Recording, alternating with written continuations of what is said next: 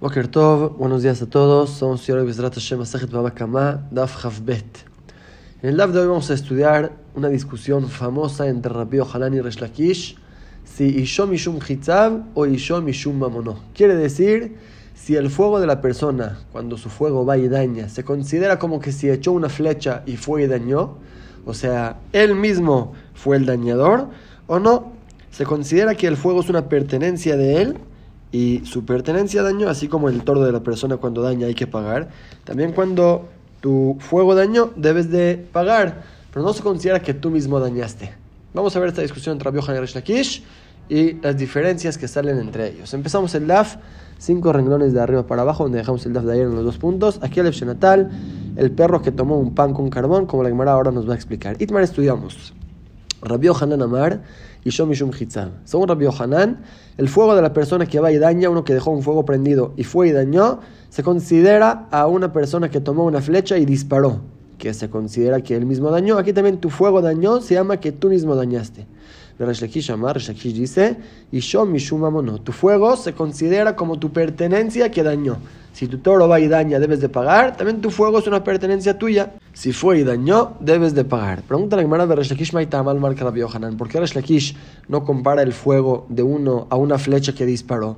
Amarleja porque te dice Resh Lakish, Hitzav mikojo kaazle. La flecha va por tu acción. Disparaste la flecha, ahí se llama que tú lo hiciste. Hay lo mikojo pero el fuego que va y daña Tú no lo hiciste, fue solito, con el viento tú sí lo prendiste, pero eso que fue y dañó allá no fue por tu fuerza, no se llama que tú disparaste una flecha, así opina Resh Lakish. ¿Por qué Rabbi Hanan no opina como Resh Lakish que el fuego es una pertenencia tuya, fue y dañó, debes de pagar? Amar Leja, te dice Rabbi Hanan, no se parece, no se compara a tu toro u otra pertenencia que va y daña. ¿Por qué? Mamona y Bemashasha, tus pertenencias tienen una consistencia, son algo. El toro es algo, el tropiezo que pusiste en la calle es algo, se puede palpar. Halet Bemashasha, pero la flama no es de que tiene una consistencia que puedes decir es tu pertenencia. No es mío, la flama no es mía, es el fuego que yo prendí. Por eso, según Rabbi no se puede comparar el fuego a una pertenencia.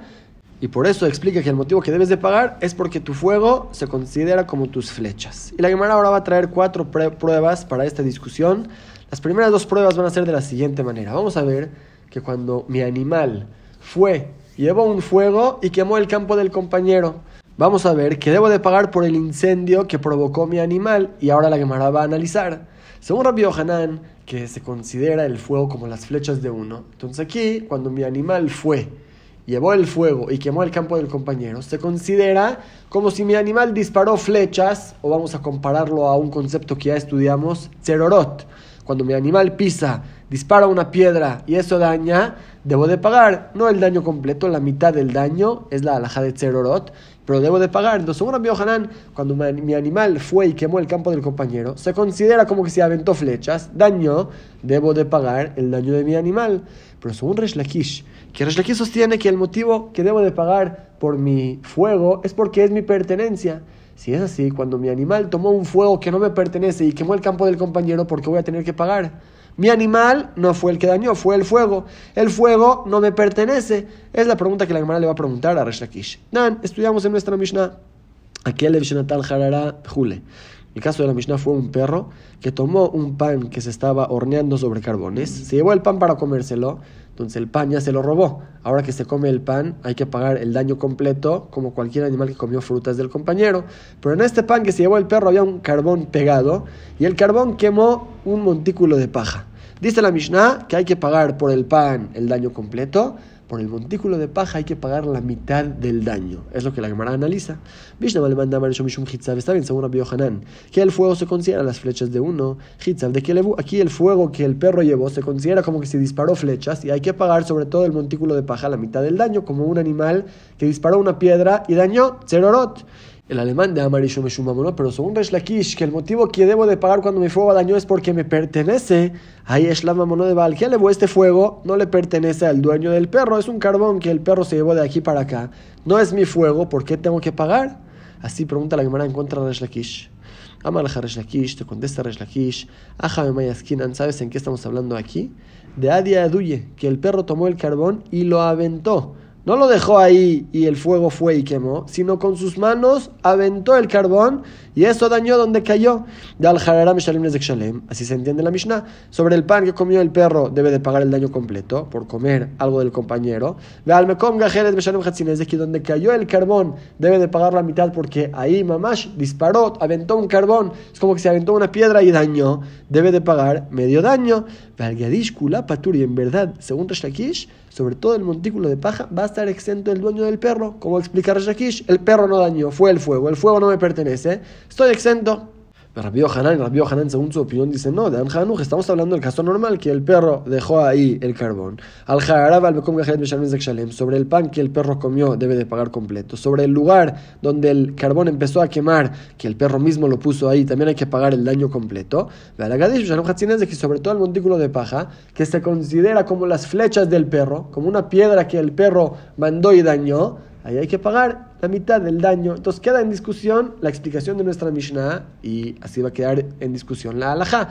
¿Qué pasa con un animal que fue, llevó un fuego y quemó el campo del compañero? Según Rabbi Hanan, debe de pagar sobre todo el campo la mitad del daño. Se considera que el animal aventó una flecha, mandó su fuego y quemó, debe de pagar. Según Rashakish, no ya que todo lo que se obliga a pagar al dueño del fuego es porque es su pertenencia, aquí que no le pertenece el fuego al dueño del animal va a estar exento de pagar. Y otra prueba muy parecida, Tashima y escucha, Gamalta un pishtan, un camello que estaba montado con lino, y caminó en la calle normal, pero tenía tanta carga de lino que pasando al lado de una tienda, entró el lino dentro de la tienda, Vedalku el genmaní, se prendió el lino con la vela que el tendero dejó ahí en su tienda, y se quemó toda la tienda, todo el edificio, toda la casa se quemó. Valga mal el dueño del camello debe de pagar. Su camello fue el que ocasionó todo este incendio.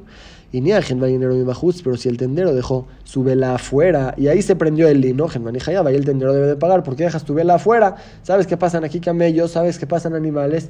Puedes provocar un incendio, ahí es culpa del tendero. Rápido me rápido dice, ven el Hanukkah Patur. Si es que esa vela era vela de Hanukkah, que ahí el tendero la dejó afuera para cumplir la mitzvah de Pirsumenisa, para publicar el milagro que Hashem nos hizo en Hanukkah, hay que prender afuera, ahí va a estar exento el tendero. Pero de todos modos dice al principio que si mi camello fue y quemó una casa con la vela de otra persona, yo necesito pagar. ¿Por qué?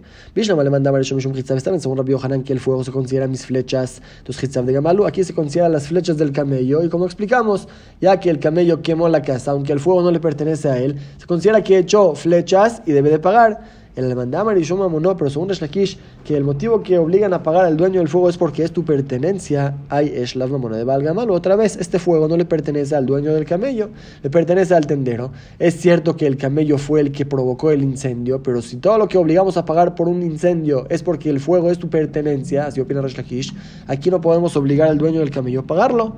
La misma pregunta que antes, solamente en el caso del camello y la vela. Amar le Reshakish, te contesta Reshakish, esquina, ¿sabes aquí de qué estamos hablando? con la.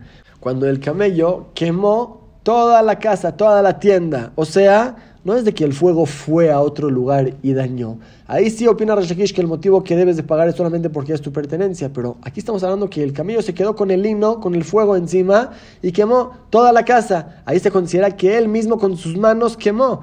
No se llama un daño indirecto, no se llama que el fuego fue solito y dañó, sino aquí el camello mismo dañó, por eso debe de pagar. Pregunta Gemara y si es así de Maseifa, fíjate lo que dice el final de la Mishnah. Y Minyajen Baniro de Bajut, si es que el tendero dejó su vela afuera, Hayab. El tendero debe de pagar todo. Vivim si es que el camello mismo quemó toda la casa, Amay Hayab, ¿por qué debe pagar el tendero? Fue culpa del camello, es como que si lo agarró con sus manos y lo quemó. Contesta Gemara Amda, el camello se estacionó ahí. Pregunta la Gemara Amda, si se con más razón, se quedó estacionado el camello ahí en vez de caminar, en vez de que su dueño lo jale de ahí, de con más razón que el tendero va a estar exento de pagar y el dueño del camello debe de pagar. ¿Por qué dejas tu camello ahí con el incendio? Se llama que tú mismo quemaste la casa. Ama Rabuna Barmenoach de Rabika explicó ya Rabuna Barmenoach de Rabika Ajame esquina en el caso que estamos hablando aquí según Reshlakish que Gon Memea que el camello se frenó ahí para orinar. Justo cuando se agarró el fuego en el lino tuvo que orinar se atoró ahí no existe jalarlo no se mueve el camello. Por eso es la diferencia en la Mishnah. Rey Shabal Gamal Hayab el primer caso de la Mishnah que la vela estaba adentro y el lino entró y se agarró el fuego y se quemó toda la casa. Valga mal el dueño del camello debe de pagar. De lo y baile la pucha beteína, no tenías que poner tanta carga que hasta se meta dentro de las tiendas, es peligroso. Por eso ahí él debe de pagar. Y como explicó Resh, aquí estamos hablando que el camello se estacionó ahí, se llama que quemó todo él mismo. No es de que fue el fuego y dañó, sino en el mismo lugar dañó, ahí también según Resh debe de pagar. Seifa, pero en el último caso que el tendero dejó la vela afuera, Germán y Hayab el tendero debe de pagar. De lo y baile la generó a porque no debía de dejar su vela afuera, es peligroso y si la dejó debe de absorber este incendio. Tercera prueba, dice la Gemara Tashema. Ven y escucha, y antes de ver esta prueba, hay que adelantar una regla que se llama Kimle Bederrabamine. Quiere decir, cuando una persona hace una acción que merece dos castigos, se le da el castigo fuerte, más grave, y se exenta del castigo más leve, por ejemplo. Uno que acuchilló a una persona. Lo matamos y no le cobramos la ropa que se rompió cuando lo acuchilló. Le damos el castigo grave y lo exentamos del castigo leve. Esa regla se llama Kimle Bederrabamine. Dice la braita, Hamadlik Tagadish, uno que prendió el montículo de paja, lo incendió, Vayagdika Futlo, y al lado del montículo había un cordero amarrado, no se podía escapar el, cordero, Bebet Samujlo, y había un esclavo parado ahí, y tampoco se escapó el esclavo por tonto, Benisrafimo, y se quemó con el montículo, también el cordero, también el esclavo, Hayab, ahí debe de pagar este que incendió tanto el montículo como el cordero, los quemaste tú los debes de pagar. Sobre el esclavo estoy exento, no se llama que yo lo maté, que se escape. Pero en caso al revés, que Eved Kafut Disamujlo, si había un esclavo amarrado al lado del montículo, que el esclavo no se podía escapar, y había un cordero ahí, Benisrafimó, y se murió. Se quemó el montículo y también se murió este esclavo. Patur, ahí está exento el que incendió el montículo de pagar por el montículo, ya que lo vamos a matar por matar al esclavo, incendió a un esclavo. Entonces, Kim le a Miné, lo matamos y está exento de pagar el montículo. Y la Gemara pregunta una pregunta muy fuerte. Bishlam le manda Está bien, según la opinión, que cuando mi fuego daña, se llama que yo disparé una flecha, Mishumaji Patur. Por eso lo matamos a este hombre que mató a un esclavo y se exenta de pagar el montículo, porque se llama que yo disparé una flecha y maté al esclavo. ¿Se entiende? La alemana Marishon Mishuma, no, pero según la opinión de Resh Lakish, que el fuego se llama mi pertenencia que dañó. Entonces no se llama que yo maté de forma directa al esclavo, se llama que yo mandé a mi pertenencia y mi pertenencia lo mató. Ahí no tenemos que matar a este hombre. Ama y Patur, ¿por qué va a estar exento de pagar el montículo? ¿Por qué se considera que mató al esclavo él mismo? Y Lucatal Tore Abda, si mi toro mató a un esclavo, entonces que no necesito pagar el montículo, quiere decir, la que me pregunta sobre Reshlakish, que el fuego no se llama mi flecha, el fuego se llama mi pertenencia que dañó. Entonces, si maté a una persona por medio de mi incendio, voy a estar exento. No se llama que yo lo maté, se llama que mi pertenencia mató, como si mi toro fue y, mató, que ahí no me van a matar a mí. Es una pregunta contra Resh Lakish. Amal Harabshom Lakish te contesta Resh Lakish. Ajame esquina, aquí sabes en qué estamos hablando. No que incendió el montículo de paja y el fuego llegó después con el, esclavo. Estamos hablando que la persona incendió al esclavo mismo, agarró el fuego y quemó al esclavo mismo. De Kim Ahí se llama que lo mató con sus manos. Claro que lo vamos a matar y va a estar exento de pagar el montículo. Kimle Bedramine, pregunta en Maraya ¿cuál es el Hidush? Si mataste a un esclavo, claro que te vamos a matar. ¿Cuál es el Hidush de la Mishnah?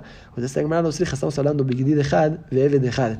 El Hidush es cuando el cordero es de una persona y el montículo es de una persona y el esclavo es de otra persona. Podríamos decir toda la alajá de Kimle Bedramine, que lo castigamos a este hombre con el castigo más fuerte y lo extendamos de leve, es cuando es la misma persona que fue dañada. Ahí, ya que por esta persona me van a matar, entonces ya estoy exento de pagarle el costo de su ropa, pero en caso que son diferentes personas, hay uno que es dueño del montículo y otro que es dueño del esclavo, podríamos decir, te vamos a matar por matar al esclavo, pero eso no tiene que ver con el otro que es dueño de la, de la paja, es Jesús de la verdad que ya que la misma acción provocó los dos castigos, aunque sea para diferentes personas, igual le damos el castigo grave y lo exentamos del castigo leve. Y última pregunta, Tashema y escucha. Dice la Mishnah, uno que manda el fuego en la mano de un sordo mudo, de un tonto y de un niño. Patur Adam está exento de pagar aquí en este mundo, no lo podemos obligar porque él lo quemó. Él dice, fue el tonto que quemó, fue el niño que quemó, yo no hice nada. No podemos castigarlo, pero sí, sí en el Shamaim lo van a castigar por ocasionar daños de una forma como que inocente, él no hizo nada, pero provocó el daño, lo van a castigar en el Shemaim. La primera pregunta, ¿por qué aquí no lo podemos obligar a pagar? Está bien, según Rabbi Yohanan, que el fuego no se llama tu pertenencia, sino se llama que es tu flecha que disparaste. Entonces aquí yo no disparé la flecha, di mi arco y flecha al sordo mudo. Hitzav de Jereshu, él disparó, él dañó, por eso estoy exento. La manda pero según la opinión de Reshakish, que cuando tu fuego daña y yo mi shumamo no debes de pagar porque tu pertenencia dañó. Y si entregas tu toro a un sordo mudo, a un tonto, a un niño, y el toro fue y dañó, ¿acaso no vas a tener que pagar? Claro que tienes que pagar. No cuidaste a tu toro, se lo diste a un niño para que lo cuide. El niño no, no lo sabe cuidar, vas a tener que pagar aquí también. Y aquí es tu fuego, es tu pertenencia, según Resh Lakish, que fue y dañó, debes de pagar. ¿Por qué cuando le entregas tu fuego a un niño, un sordo mudo o un tonto vas a estar exento? Contesta la Gemara Itzmaralá, ya estudiamos la respuesta sobre esta pregunta. Lo que ama Resh de ya dijo Resh mismo en nombre de Hizkia, lo shanu el Hashemasar lo gajeles de Libá. Esto que estoy exento cuando le di al sordomudo el fuego, no es cuando le di fuego. Estamos hablando que le di un carbón que no debería prender y el sordomudo mismo sopló y prendió el carbón. Ahí puedo decir, no me imaginé que el sordomudo sabe soplar y prender el fuego, por eso estoy exento. Balmasarlo shalevet hayab. Pero si le entregué en verdad una antorcha, una flama, que es mi pertenencia y eso fue y dañó, voy a tener que pagar. Rashlakish concuerda con su opinión. Maitama, ¿cuál es el motivo?